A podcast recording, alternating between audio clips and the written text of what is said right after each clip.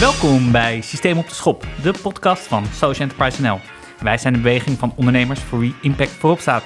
Mijn naam is Steven Panhuizen, directeur Social Enterprise NL en host van deze podcast. We zitten vandaag op een speciale locatie, namelijk op het kantoor van Rubio, net naast Artis. Hartstikke mooi. En ja, het is een hele speciale aflevering. Het wordt een 10 jaar special, dus we gaan het bij hoge uitzondering een klein beetje over onszelf hebben. Naast mij zitten Willemijn Verloop, welkom. Dank, dank. En Mark Hille, welkom. Dank je. En zij zijn beide te gast, want ze zijn namelijk beide de oprichters van Social Enterprise NL. En we gaan het hebben over die, niet zozeer over Social Enterprise NL, maar over die beweging van sociaal ondernemen. Waar staat die? Waar gaat hij naartoe? Dat is wat we gaan doen. Is er nog een goede actie die we willen delen? Nou, ik weet er nog wel een. Vertel. Ja, ik, had, ik moest net naar twijfelen. Olio. Heb ik die al een keer over verteld? Is dat van kan eh, dus als je, met elkaar, als je e- eten over hebt in je ijskast, dan kan je dat op je Olio-app zetten. Het is een Engelse social enterprise. En dan komen mensen dat bij jou gewoon aan de deur ophalen. Maar tegenwoordig kun je er ook spullen op zetten. Dus je ruimt je huis uit. Er zijn spullen waar je graag vanaf wil. En dan zet je ze op de app op Olio. En dan staat er een uur later, stuurt iemand jou een app... die komt dat bij jouw voordeur ophalen. Supermooi. Heb je het ook gedaan? Ik heb het ook gedaan. Ja, ik heb laatst bijna iets eh, weggegeven wat van een vriend van mijn zoon was. Die vond dat minder grappig. Dus ik dacht, is niet van ons, moet eruit. Zet hem op olio. Weg is weg. Leuk. Nou ja, ik maak gewoon een bruggetje. Ik heb vandaag allemaal mensen een berichtje gestuurd. Want Social Enterprise NL 10 jaar betekent niet alleen een mooie podcastaflevering, maar ook een heel mooi feestje. Op 30 juni, vliegbasis Soesterberg. Iedereen kan erbij zijn. Ga naar onze website. Wees er snel bij, want op is op. En dan gaan we nu gewoon beginnen. En we gaan het hebben over die Social Enterprise beweging. Maar Social Enterprise NL had niet ontstaan als jullie ook niet ooit op elkaars pad zijn gekomen. En ik denk dat veel mensen eigenlijk helemaal niet weten hoe dat is, zo is gekomen. Dus eh, ja, hoe hebben jullie elkaar ontmoet? Wat gebeurde er toen? Was het love on first sight? Vertel. Zeker, zeker. zeker. Ja, maar we hebben elkaar ontmoet door Selma Steenhuizen. Een voorloopster in de social enterprise movement. Want Selma kende zowel Mark als mij. En wat deden jullie toen? Wanneer was dit? Was dit 2010, 2011? Oh, dit is een moeilijke vraag. Ik denk 2010, 2011 is. Nee, eind 2011. Eind 2011. Ik deed samen met Selma wat activiteiten voor Ashoka. Ja. En wij zochten eigenlijk naar een minder non-for-profit-achtig model over de social enterprise. Hadden daar veel discussie over. En toen zei Selma, je moet dit artikel eens lezen, geschreven door Mark Hille. Dat ga je leuk vinden. Dus dat was eh, twee pagina's eh, geschreven door Mark... met eigenlijk zijn visie op wat een social enterprise is. En zou moeten zijn en hoe die verandering in de samenleving bracht. En ik las dat. Ik dacht, wauw, die wil ik wel ontmoeten. En zo ontstond het. Ja. En wat dacht jij toen, Willemijn? eh Nou, ik had, ik had of, Kijk, eh, ik, ik was... Jullie af bij Van Leeuwen waarschijnlijk? Of, ja, eh, zeker. Maar, Het is te veel insight, maar denk ik. nee, helemaal niet. Van van Leeuwen was gewoon de hangout van Willemijn. Ja. En eh het café van Leeuwen. Precies, Eh, in Amsterdam voor- dan, voor eh. de- precies. Ja. Nee, nou ja, goed. Ik was natuurlijk wat blanco hoor. Maar ik, ik, hè, ik heb natuurlijk zelf heel lang in het Amerikaans beursgenoteerde bedrijfsleven gewerkt. Was een jaar of vier bezig met van alles en nog wat en leuke ondernemers. En ben toen wat gaan nadenken over ja, de wereld, eh, het bedrijfsleven. En daar kwam dat stukje uit voort. Op zich, het concept social entrepreneurship is, hebben wij niet, lang niet uitgevonden. Dat was wereldwijd al Ja. in opkomst. En eh, Willemijn zat in diezelfde soort gedachten van de andere kant. Maar ik had toen van Willemijn niet een stukje, dus ik was heel blanco. En eh, dat was heel leuk eigenlijk. Ja. En daar stond het idee van, hé, laten we dit Nou, samen we hadden, we hadden eigenlijk allebei wel een, een, een concept. En Ja. eh, eh, Willemijn was natuurlijk met McKinsey bezig geweest, Ja. met uh, gedachtes. En nou ja, dat lag wel drie kwart over elkaar. Daar was Mark Eh, overigens heel kritisch over. Want ik had van McKinsey de luxe gekregen om een heel team mensen die gratis voor ons gingen onderzoeken hoe de social enterprise beweging in Nederland eruit zou kunnen zien en wat de barrières waren. En Mark zei toen. Hoezo McKinsey? Die hebben nog nooit de sociale werkplaats van binnen gezien. Die begrijpen daar toch niks van? dus dat was het eerste gesprek, Ja. was het wel meteen Nou, knetterde dat- het aardig, weet dat je nog? is zeker zo. En, eh, maar dat is ook, kijk, ik had een, een boek gelezen. En dat was een mooi geel boek. En dat heette Social Entrepreneurship for Dummies. Kijk, En dat was geschreven door twee sociologen, een beetje Amerikaans, maar daar stond wel ja, de essentie in. En McKinsey kwam natuurlijk een beetje meer vanuit de de business duurzaamheidskant of hè, de MVO++. En die waren natuurlijk ook aan het zoeken hè, van eh, wat dan en hoe dan. Nou ja, daar moet je met elkaar over hebben. Ja. Hè, dat nou, is, en McKinsey eh, deed wel in opdracht van ons. Dus die, had daar, die heeft voor ons dat onderzoek gedaan. En uiteindelijk waren we allebei wel heel tevreden met wat eruit kwam. Nee, dat is super waardevol. Want, want wat zij eigenlijk hebben gedaan, en dat was ook wel een beetje het begin van Social Enterprise NL. Ze hebben onderzocht hoe die Nederlandse Social Enterprise markt eruit zag. Wie zijn die ondernemers nou? Hoe hard groeien ze? En kun je in ieder domein, hebben we het over gezondheidszorg hebben, of over onderwijs, of over circulariteit zijn. In al die domeinen laat het Nederlandse speelveld het dan toe voor sociaal ondernemers om daar succesvol in te zijn. En wat zijn dan de barrières? En eigenlijk was voor ons dat uiteindelijk dat onderzoek, en we hebben natuurlijk heel erg meegewerkt ook aan het onderzoek zelf. En ook nog een startpunt van nou, welke barrières hebben we dan op te lossen? En moeten we mee aan de slag? En het mooie is dat dan dat toch ook wel helpt. Als je een McKinsey-rapport in je hand hebt, dan gaat de minister toch ook net een beetje beter luisteren. Want dan heb je toch wel even. Ja, dat heeft echt Ja. waarde om bepaalde mensen aan tafel te krijgen. Om te praten over hoe dat speelveld voor sociaal ondernemers in Nederland opgebouwd zou kunnen worden. onderwerp eigenlijk meteen op een hoog podium te krijgen. Ja. Nou, en ook wel, ook wel het netwerk. Maar in alles wat wij doen, is het goed om naar de persoon te kijken. hè. We hebben natuurlijk altijd neiging, keurmerken en noem maar op allemaal. En objectieve criteria die een accountant kan afvinken. Maar zo iemand als Robert Carzau, hè, die toen heel lang bij McKinsey gewerkt heeft... die eh, zes jaar, zeven jaar in onze RVT heeft gezeten, ook als voorzitter... Ja, die is echt ook betrokken daarbij en die heeft grote waarde voor ons gehad. Los van alle soorten studies en papier, noem maar op. Dus je verbindt ook echt de goede mensen dan op een bepaald moment. En daar krijg je ook energie van natuurlijk. Ja. Helder. Nou, niet veel later gingen jullie naar de notaris en tien jaar later zitten we hier. Ja. En toen kenden we elkaar natuurlijk helemaal niet. We hebben wel tegen elkaar gezegd van wat nou als we elkaar over een jaar heel stom vinden. Want we Ja. hebben nu wel een missie die we allebei leuk vinden, maar we kennen elkaar helemaal niet. Ja, want ik ken jullie ondertussen En- een beetje. Jullie zijn beide uitgesproken. Eh, sterke persoonlijkheden, mag ik dat zeggen? Zeker. Zijn ook best wel, best wel heel anders. wel mee. Maar ik weet dat Mark toen tegen mij zei, dat zou ik nooit vergeten. Want ik, ik zei ook, Mark, wat, wat doen we dan? Toen zei hij, nou, dat zien we dan dan wel. Ja, ja, ja. Laten we maar gewoon beginnen. Dan Ja. zien we wel hoe ver we komen. En zo zijn we er ook letterlijk toen we de notaris, waar Mark nog zo, je schreef er nog over, mijn dochter van toen twee of drie jaar oud zich half aankleden en stond te dansen in het notariskantoor, terwijl wij daar met een hele droge notaris de stichting Social Enterprise het oprichten waren. Maar we zijn er echt heel open ingegaan van we, we committeren ons om dit minimaal, wat hebben we toen gezegd, twee keer drie jaar geloof ik te doen, om daar een bepaald niveau te brengen en daarna zien we wel weer. Dus we moeten er wel bepaalde tijd aan geven om dit te bouwen en dat gaan we allebei doen. En we hadden ook allebei nog andere dingen die we aan het doen waren. Maar dit wordt ons, ons grote project en daar gaan we ons vol voor inzetten. En dat is uiteindelijk eh, inderdaad, juist denk ik omdat we zo anders zijn, ook heel succesvol geweest. Nee, maar dat is ook zo. Kijk, wij vinden elkaar ook wel leuk, maar we zijn extreem complementair. hè. Als je gewoon kijkt naar netwerken, kennis en zo. Kijk, wij gingen op een gegeven moment naar Den Haag hè, om daar wat lobbywerk te doen. En toen zei ik ook, ja, dat is het enige waar we allebei echt geen bal verstand van hebben.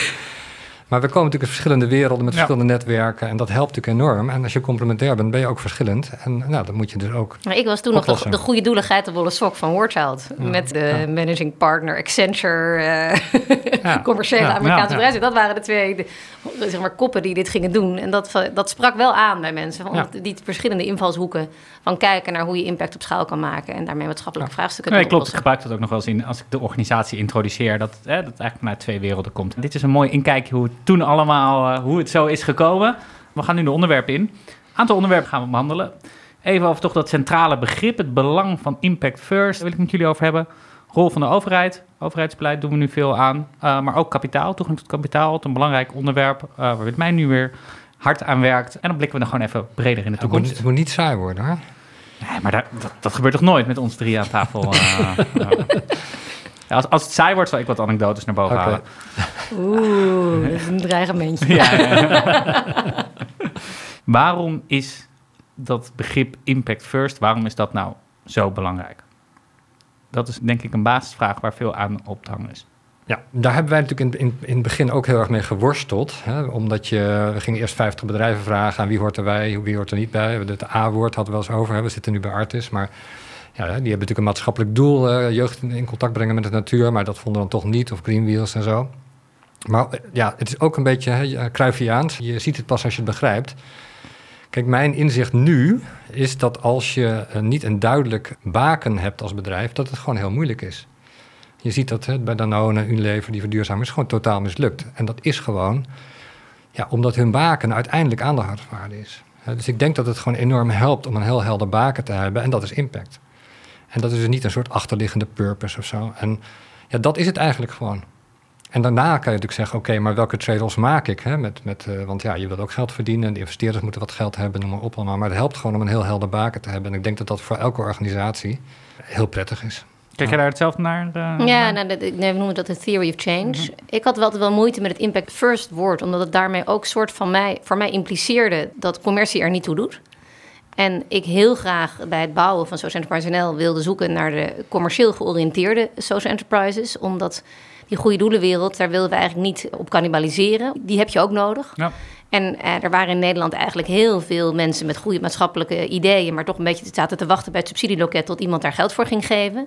Dus degene die dat voor eigen rekening en risico proberen een maatschappelijk probleem op te lossen, dat is nogal wat. Als je je huis in onderpond moet geven om eh, je schuldenlast te dekken, weet je, dat, dat vergt nog eigenlijk wel wat meer dan de gemiddelde persoon die een NGO opricht. Dus het ondernemen met de maatschappelijke missie vergt echt iets. En voor mij was dat Impact First, is alsof het ondernemende component komt daar voor mij niet goed genoeg in naar voren. Dus daarom dat ik hem toch vaak meteen een combinatie noem. Want het gaat voor mij echt om het ondernemen. Met een hele duidelijke impact theory of change. Dus dat is waarom je onderneemt. En wat je daarbij rete ambitieus en commercieel kan zijn, dat is hartstikke mooi. Dan kan je iets misschien heel ver brengen. En dat kan ook heel mooi zijn als het lokaal is en als het klein blijft. Dus het groot is niet per se mooier dan klein.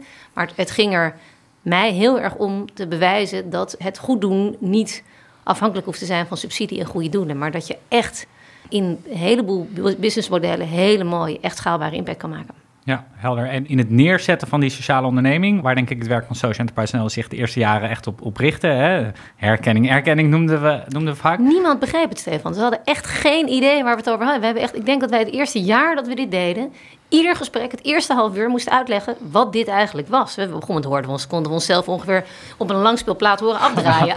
en pas na een jaar of twee zijn we er, Mark, hoorde jij, we hebben het niet uitgelegd vandaag. We hadden zomaar een gesprek en hebben het niet uitgelegd. Wauw. Was voor ons echt een wauw-moment.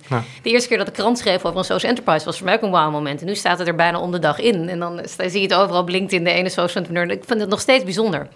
Als ik zie waar we vandaan komen. Ja, zeker. Tien zeker, jaar. Zeker. Ja. Hey, en wat je daar wel support van, hé, hey, ja, maar dan ga je door een groep apart te zetten, ga je anderen uitsluiten. Dat, dat is natuurlijk nooit iets wat letterlijk is gezegd, maar dat wordt gezegd, ja, dat is daar een gevolg Nou, er is van. wel eens een minister geweest die tegen ons heeft gezegd dat wij daarmee impliceerden dat alle andere ondernemers asociaal zouden zijn. Ja, wat zeiden En jullie dat dat toen voor hem de reden Kamp? was om ons niet te willen ondersteunen. Ja, Maar wat is het serieuze antwoord daarop, zeg maar? Nee, nou ja, ik, ik, kijk, ik denk niet dat je dingen uitsluit, maar je wil wel een soort eh, aspiratiepunt creëren waar iedereen uiteindelijk wel toegang tot heeft als Ja. hij wil. Dus het is niet gesloten. Uiteindelijk denk ik, nou ja, misschien kan niet elk bedrijf social enterprise worden, want de discussies hebben we wel eens eerder gehad over, ja, als je sterke drank maakt of noem maar op allemaal, hè, van dan is het soms wel eens lastig om te zeggen, ja, combineert dat dan? Maar nee, het is een aspiratie die iedereen kan hebben. Dus je, je sluit niemand uit. Het is een open deur eigenlijk. Ja, Althans, een deur waar de- iedereen door kan ja, lopen. Ja. maar de discussies over bijvoorbeeld hoeveelheid dienstverleners, notarissen, reclamebureaus, weet ik dat die allemaal de ambitie hadden, of de winkels die producten die geen ondernemersrisico nemen, maar graag met producten van ondernemers die dat wel hebben gedaan, zichzelf sociaal onder. Daar hebben we wel mee geworsteld. Want uiteindelijk wil je die mensen die echt de nek uitsteken en een systeem op de schop durven te nemen met hun product of dienst, die wil je veel kansen geven. En iedereen die meegaat in die slipstream, hartstikke mooi. Die maken de beweging groter en sterker. Maar dat zijn niet degenen die het ondernemersrisico nemen. En wij wilden toch eigenlijk wel diegenen die het ondernemersrisico namen, met name op de voorgrond zetten. Om daarmee te laten zien wat die beweging kan zijn. En, eh, en als je te snel. Je had vroeger het Social Venture Network in Nederland, bestaat volgens mij nog steeds. Dat was eigenlijk een soort koploop, ook een soort social enterprise NL, avant la lettre. Maar dat werd heel snel een netwerk waar alleen maar toeleveranciers in zaten. die graag met die sociale bedrijven wilden Ja. werken. En ondernemers willen van elkaar leren. Die in een vergelijkbaar. Wij wilden in, toen we Social Enterprise NL opzetten. echt een sterke groep van ondernemers creëren. De, een harde kern.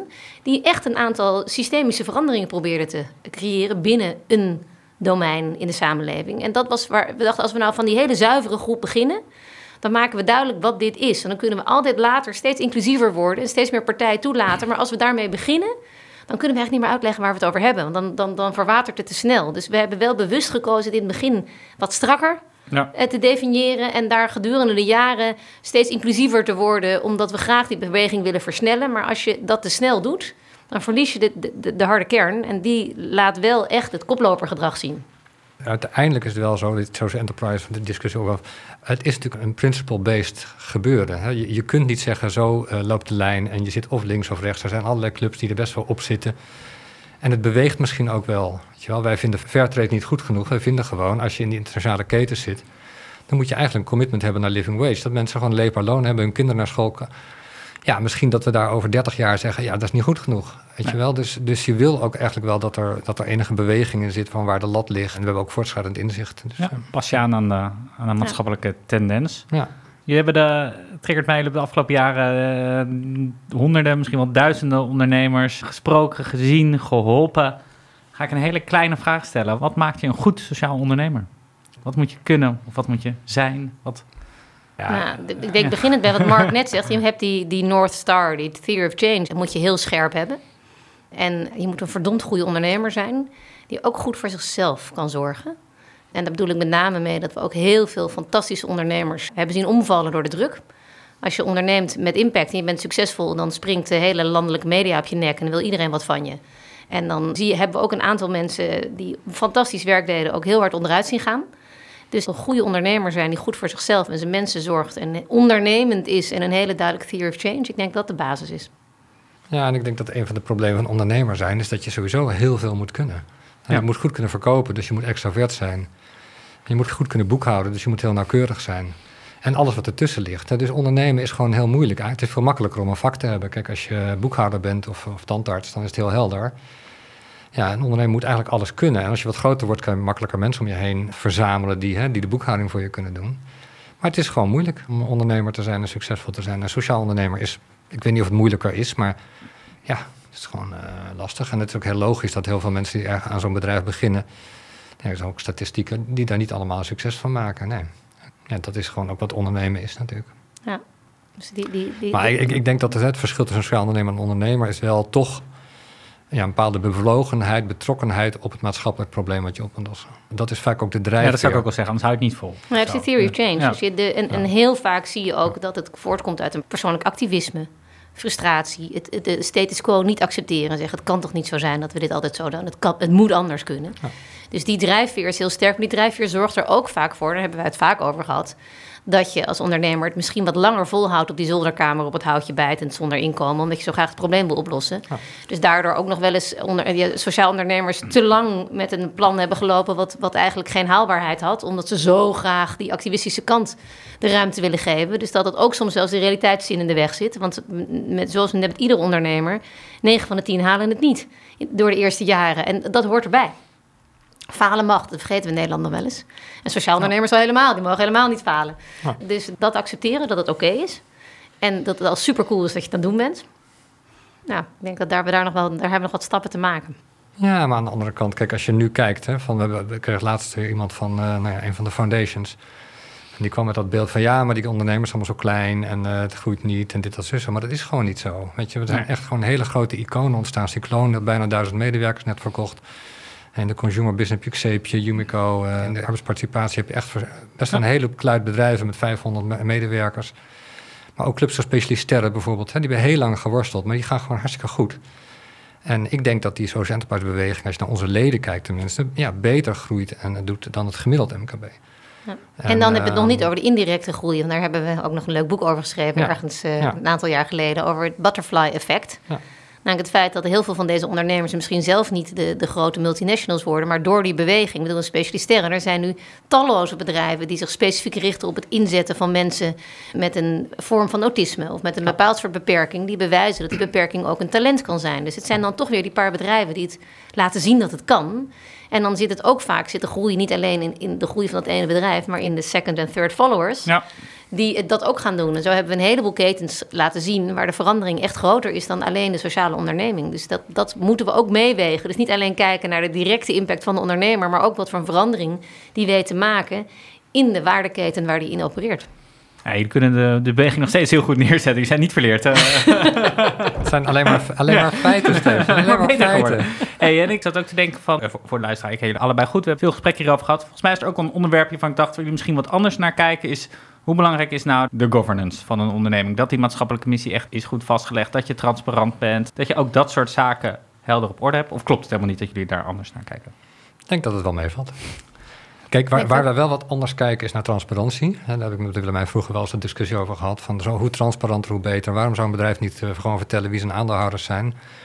En dan uh, krijg je ja, maar dat wilde, wat wilde investeerder niet of zo, weet je wel. En dat is dan een familie, uh, dat zijn vaak weer fondsen. Maar ik denk Ja. dat transparantie enorm helpt. Gewoon omdat je dan als sociale onderneming laat zien wie je bent en wie er bij je aan de touwtjes trekken, wie er invloed op hebt. Dan kan die mensen daar je op aanspreken. En dat gesprek is belangrijk. Dus dat vind ik essentieel belangrijk.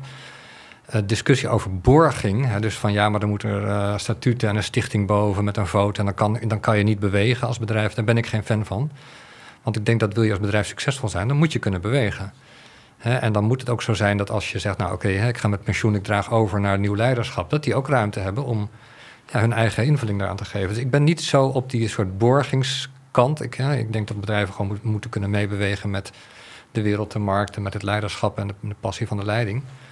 Maar ik vind transparantie wel heel belangrijk. Want dat is eigenlijk hè, waarin je kan zeggen... nou, ik stel me kwetsbaar op, ik ben aanspreekbaar op alles... Hè, door mijn personeel, door investeerders, door klanten, door whoever. En uh, ik denk dat we daar met name ook nog wel stappen kunnen zetten. Gewoon transparanter worden, transparantie eisen. Ja. Ja. Nou ja, en ik was daar voorzichtiger in, omdat ik weet dat een heleboel ondernemers gewoon bepaalde informatie gevoelig vinden, ook in de markt. Dat al hun Ja, concurrenten dan precies kunnen ja, ik zien ook wel terug. Ja. eh, dat het eigenlijk helemaal niet zo goed is. Een hoop sociale ondernemers weten ze geweldig te marketen, maar gaat het helemaal niet zo goed mee. En dat heeft de media dan niet door. Je krijgt nog steeds worden ze heel mooi neergezet, terwijl het achter de voordeur een stukje moeilijker gaat. En soms groeien ze daar doorheen en gaat het uiteindelijk toch goed. En dan zijn ze dolblij dat dat niet door iedereen de hele tijd die cijfers van ze onder hun neus aan het wrijven is. Dus dat vind ik er moeilijk aan. En, en ja, op, op aandeelhouders, iedereen mag weten, waar ik als investeerder in investeer. Dus ik heb zelf geen behoefte tot gebrek aan transparantie, maar ik weet dat er een aantal hele vermogende families in Nederland zijn die heel graag investeren en die dat niet willen dat men dat weet die daar voorzichtig in zijn. En die zou ik niet weg willen jagen uit het veld. Die zou ik ook nog steeds graag willen zien dat die investeren. Nee, maar dat is precies En- het verschil. Die wil ik Ja. wel wegjagen. Ja. Want, Maar nee, ik nee, maar wil dat is precies... ja, maar, dus is- daar hebben we dus. Kijk, maar, ik denk dat, ja, maar ik denk dat de, de belangrijkste is eigenlijk. Eh, want die discussie blijven we nog voeren ook. Is de BVM, zeg maar. Wat leg je wel vast en wat leg je niet vast? En bijvoorbeeld de, de Engelse model. De, Willemijn eh, loopt even weg van het onderwerp. Maar kijk, Oh, nee, sorry. Ik zal je Mark vertellen waarom ik een ze keer- wel wil wegjagen. Ja, jij wilde een, niet nader te noemen families, want we weten natuurlijk niet wie het zijn. Nee, Eh, dat zijn, nog zijn die onbekende families. Ja, Die vaak een eh, soort eh, BV hebben met een holding en daaronder allerlei andere dingen. En dan zitten 160 neefjes en nichtjes achter. Dus het valt nogal mee met de persoonlijkheid. Nee, kijk, ik denk hè, dat, dat die dus ook moeten veranderen. Dat dat voor, de, hè, voor de, de wereld en het bedrijfsleven belangrijk is. Dat je gewoon zegt, nou, ik ben mede aandeelhouder daar. En, dat, en, en als dat bedrijf het heel slecht doet, hele slechte dingen doet, nou, dan kan de buurman zeggen, joh, zit je daarin? En dat helpt. Ik denk dat dat ook nodig is. En dus als dan betekent dat een deel van die mensen afhaken, zeggen, nou, dan beleg ik mijn geld alweer in de Shell. Nee, dan is dat zo. Maar ik denk dat op lange termijn hè, dat die beweging gewoon belangrijk is. En dat je dus ook een rol hebt om tegen dat soort families te zeggen. Ik spreek ook wel eens families. Joh, hoezo? Weet je wel? En kijk, we hebben met de code sociale onderneming op een gegeven moment ook met, eh, dat is een heel lang verhaal, maar er was een stichting. En dan was de vraag, ja, maar kun je nou je statuten op de website zetten? En dan vond dan het bestuur van die stichting moeilijk. Maar die statuten staan gewoon in de KVK, die kan je voor 3,85 euro opvragen. Het is een reflex, het is een soort cultuurtje. Hè, maar dat moeten we precies veranderen. Helder. Ik ga even... Dus dat is even de activist in mij. ja, de, de- Ja, nou, en ik vond ja. het andere deel van het onderwerp van wat, wanneer, eh, waar wij heel duidelijk voor gekozen hebben in Nederland, met Social Enterprise NL in ieder geval, is dat wij niet zijn van de asset locks en, en, en dividend caps en dat soort zaken, waar je de Community Interest Company Ja. in Engeland hebt. Je hebt een aantal modellen in hoe je in de governance kan vastleggen dat je sociaal bent. En daar hebben wij altijd voor gekozen om te zeggen dat moet goed vast liggen in je missie en in je statuten. En er zijn een heleboel plekken waar het vast kan leggen, maar dat moet je niet beperken in hoe je groeit. En daar hebben we wel een hele principiële keuze in gemaakt. Waarmee we juist de flexibiliteit wilden hebben om verschillende vormen van ondernemers mee te nemen hierin en het niet te beperkend te maken. Helder. Komen we misschien nog even op de BVM en alles daarmee. Maar ik dacht ook even, Willemijn, je bent niet lang nadat je met Mark Social Enterprise NL bent gestart, ben je ook Social Impact Ventures gestart. Waarom was dat nodig? Ja, dat heet inmiddels dus Rubio. Ja, ja. Nou ja, een van de dingen waar we tegenaan liepen toen, toen we we gingen met Social Enterprise, het ecosysteem bouwen. Dat was ons doel. En nou, hoe bouw je een ecosysteem voor ondernemer? Dan zorgt die ondernemer toegang heeft tot markten, toegang heeft tot overheid, toegang heeft tot, eh, tot, tot klanten, toegang heeft tot kapitaal, toegang tot kennis en kunde. En onderwijs. En eh, Mark en ik hadden dat een beetje doorheen gehakt. Van jij neemt de overheid en de financiële, ik neem de, de- Dus we hadden gewoon alle, allebei zeg maar een mandje met delen van de samenleving die we moesten Ja. dat ik had eh, daar de financiële markt bij, omdat ik echt ja. de ballen verstand van had eh, op dat moment. Maar wat er duidelijk was, is dat er in Nederland eigenlijk al heel lang best wel veel geld is voor sociale doelen, maar met name in, in landen in het zuiden. Dus ik ook credits, FMO's, daar zijn we in Nederland echt een koploperland in.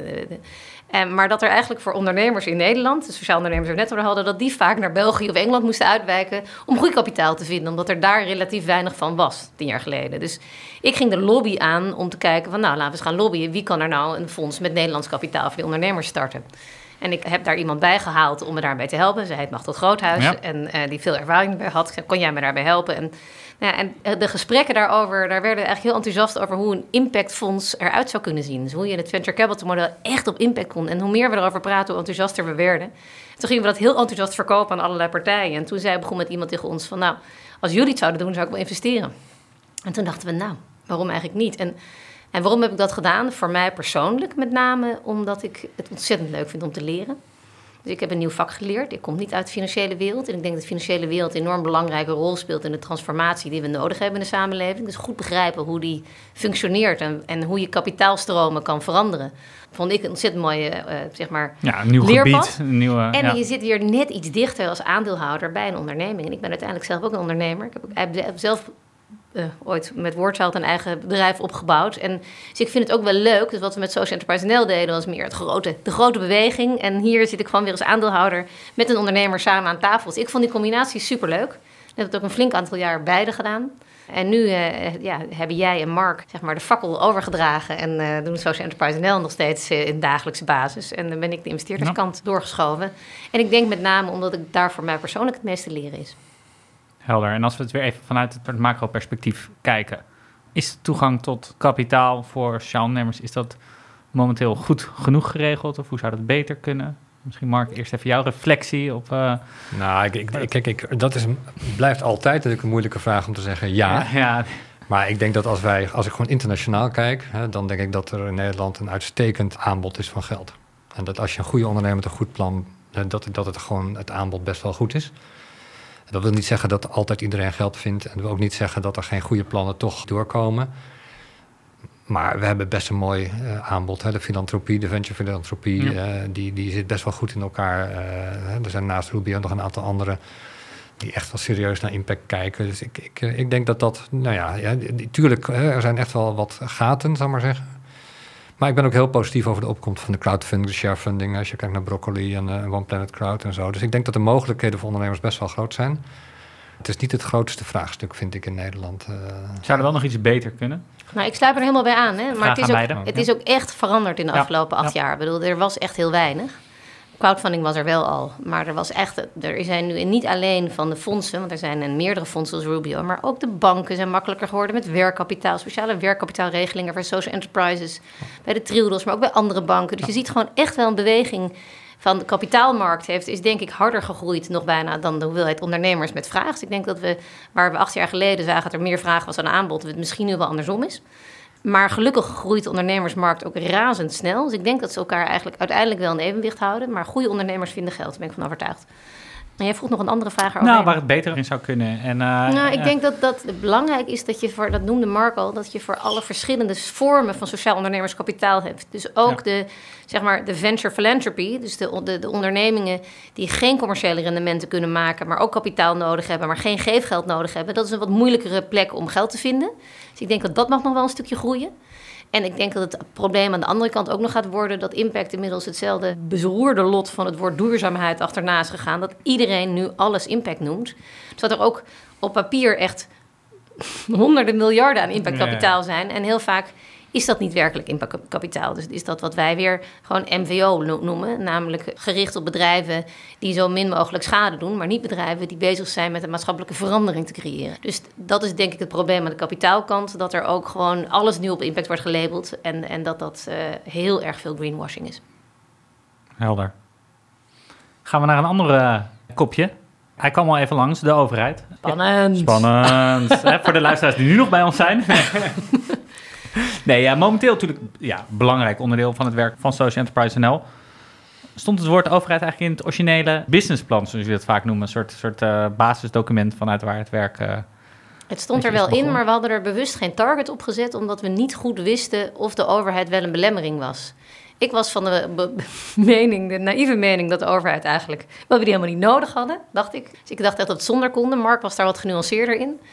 Maar eigenlijk pas toen we een jaar onderweg waren, of anderhalf jaar, en we de eerste survey deden met de leden, aangesloten leden, toen bleek dat met name de leden die in de gezondheidszorgsector zaten of in het onderwijs echt die overheid hartstikke hard nodig hadden. En dat we merkten dat ze eigenlijk het niet herkennen of erkennen van het social enterprise model ook echt een nadeel was. Omdat de overheid liever met een stichting samenwerkte dan met iemand die een ondernemende oplossing bood. Dus toen zagen we dat we er echt mee aan de slag moesten. Maar dat was niet van dag één, was het voor ons meteen helder wat we daar dan mee moesten.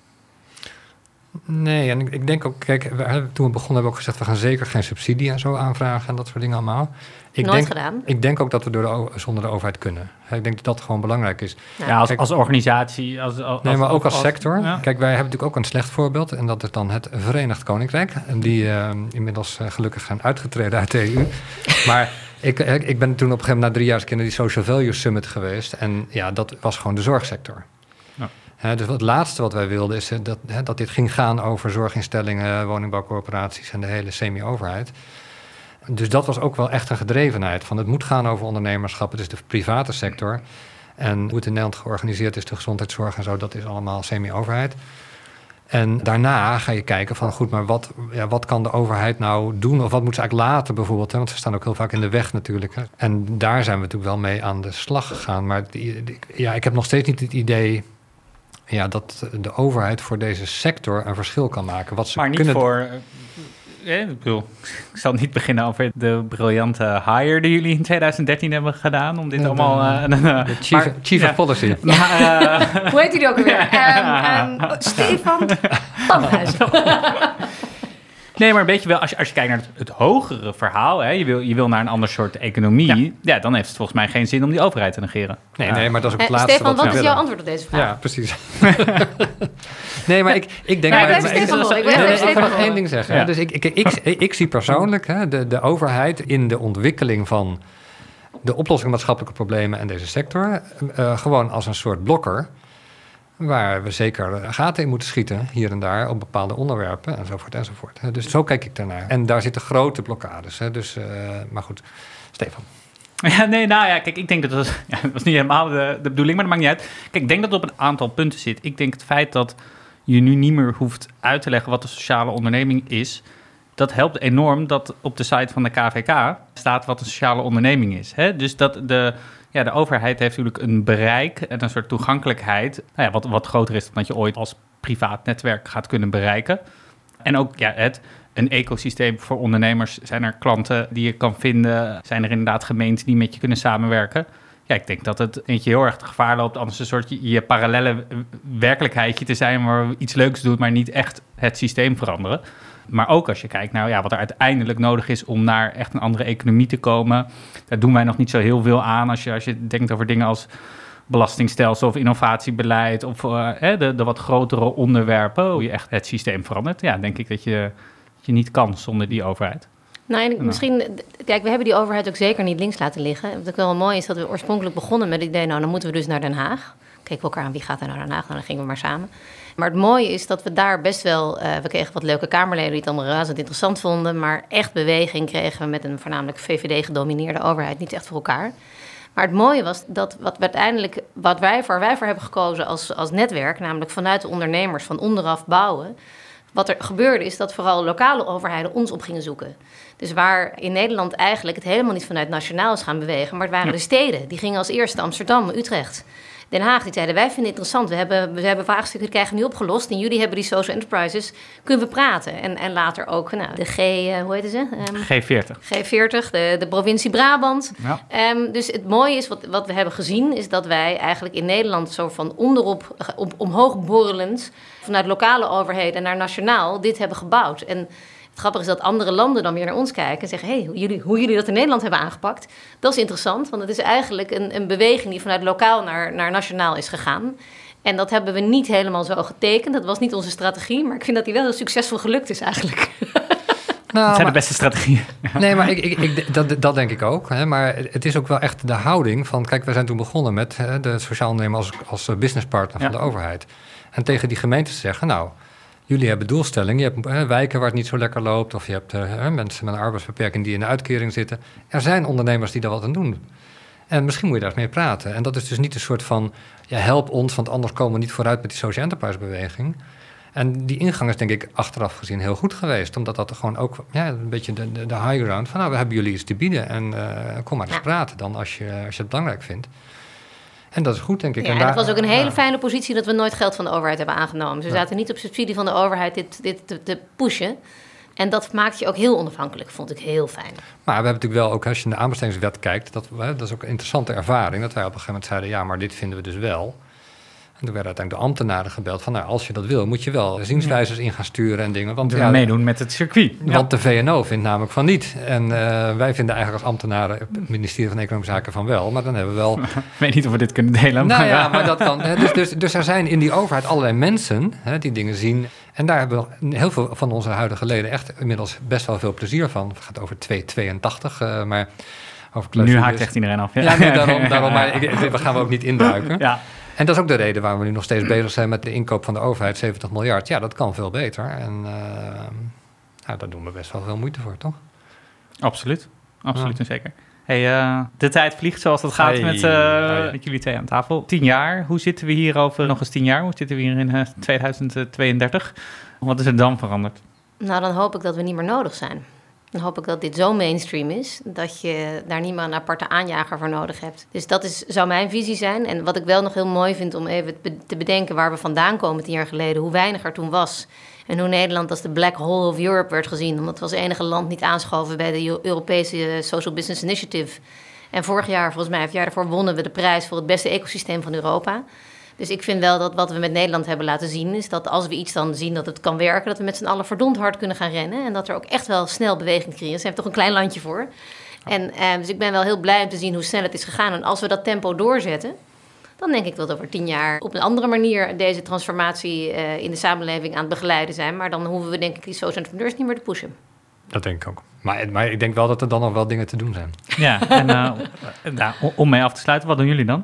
Nou, ik ben misschien wijnmaker of ik zit ergens in, een- in een moestuin of Ja. zo. Zoiets dergelijks.